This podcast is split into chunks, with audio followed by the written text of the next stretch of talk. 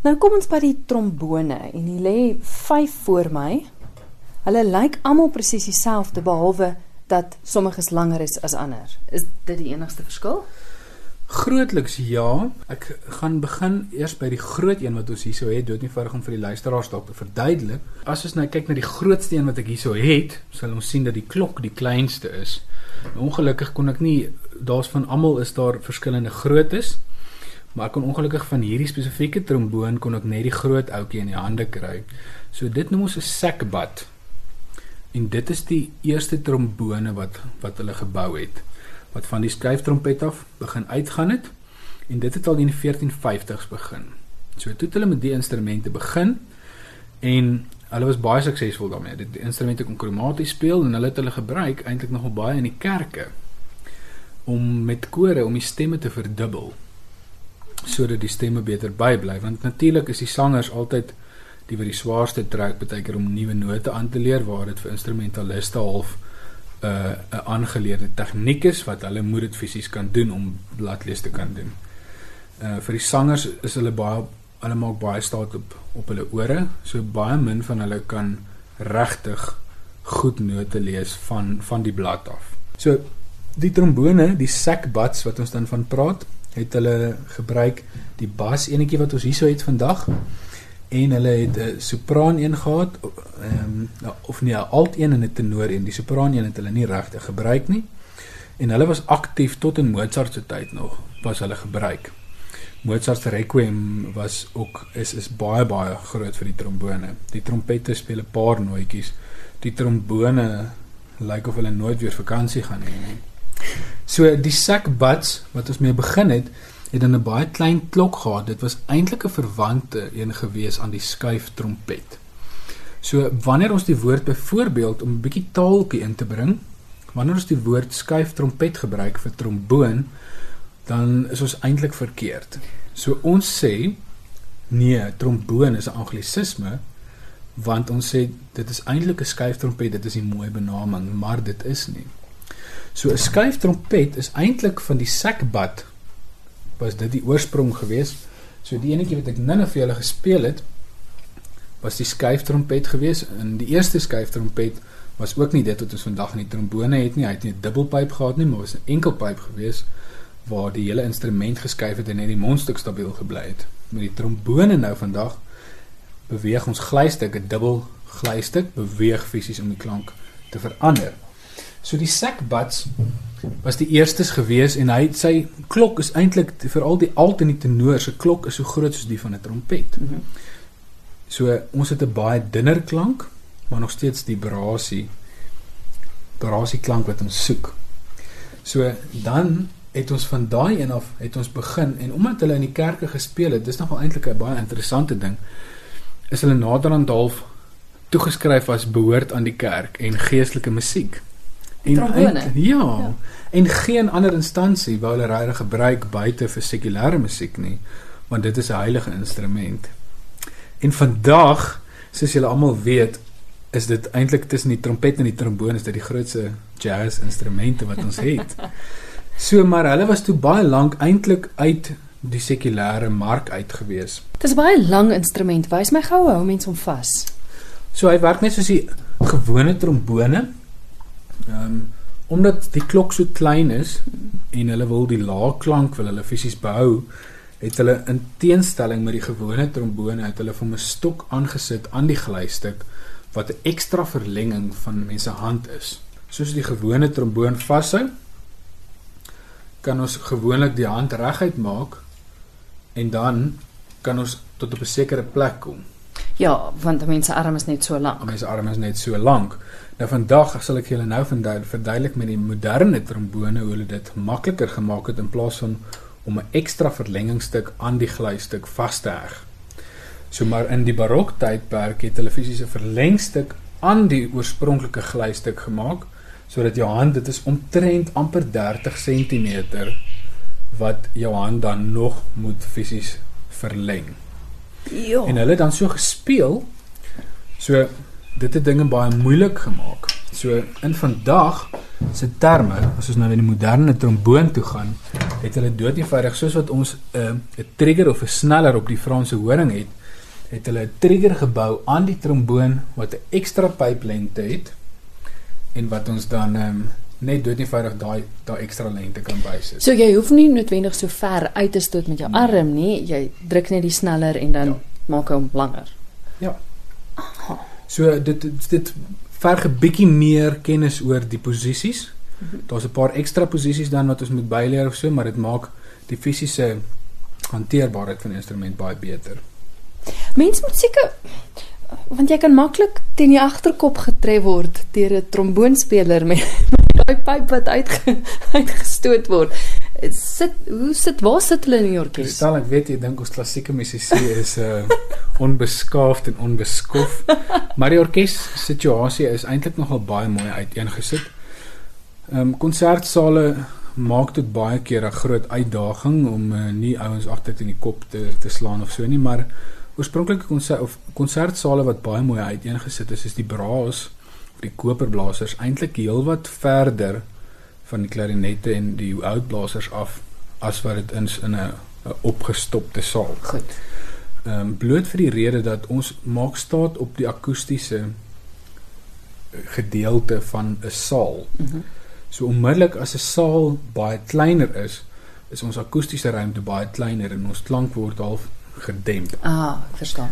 En dit dit sit fisies druk op jou klank. So die klank kom fisies nie uit nie. So Jesus katedrale vir koperblasers is hemelse aarde op op aarde.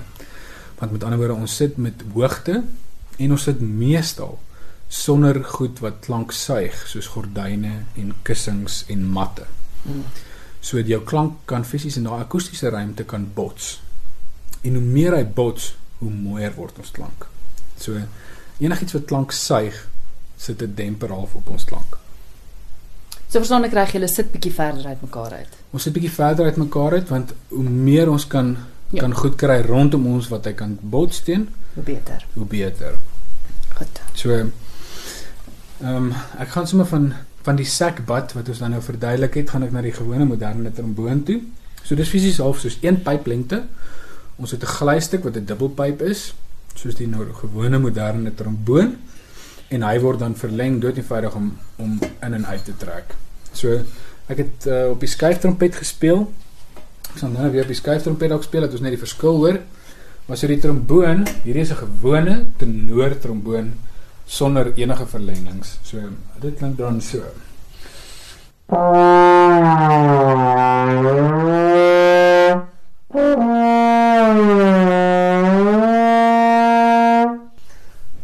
as ons die posisies reg kan gebruik, dan kan ons hulle op sekere plekke sit.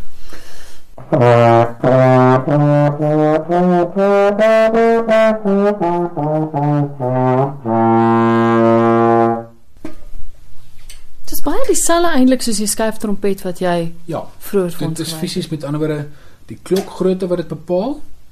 En kom ek speel gou-gou vir jou op die skuiftrompet terwyl ons hier is, dan kan die luisteraars baie mooi hoor wat die verskil is. So ek het nou op die gewone tenor tromboon gespeel, die sopraan tromboon of dan die skuiftrompet. Is hier die klank?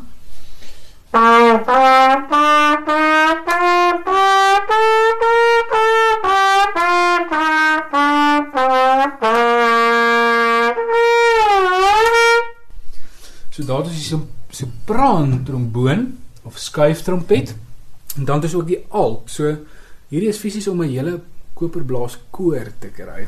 So ek sal julle nou dalk daar ook van, van vertel. Maar hier is dan hoe hy klink.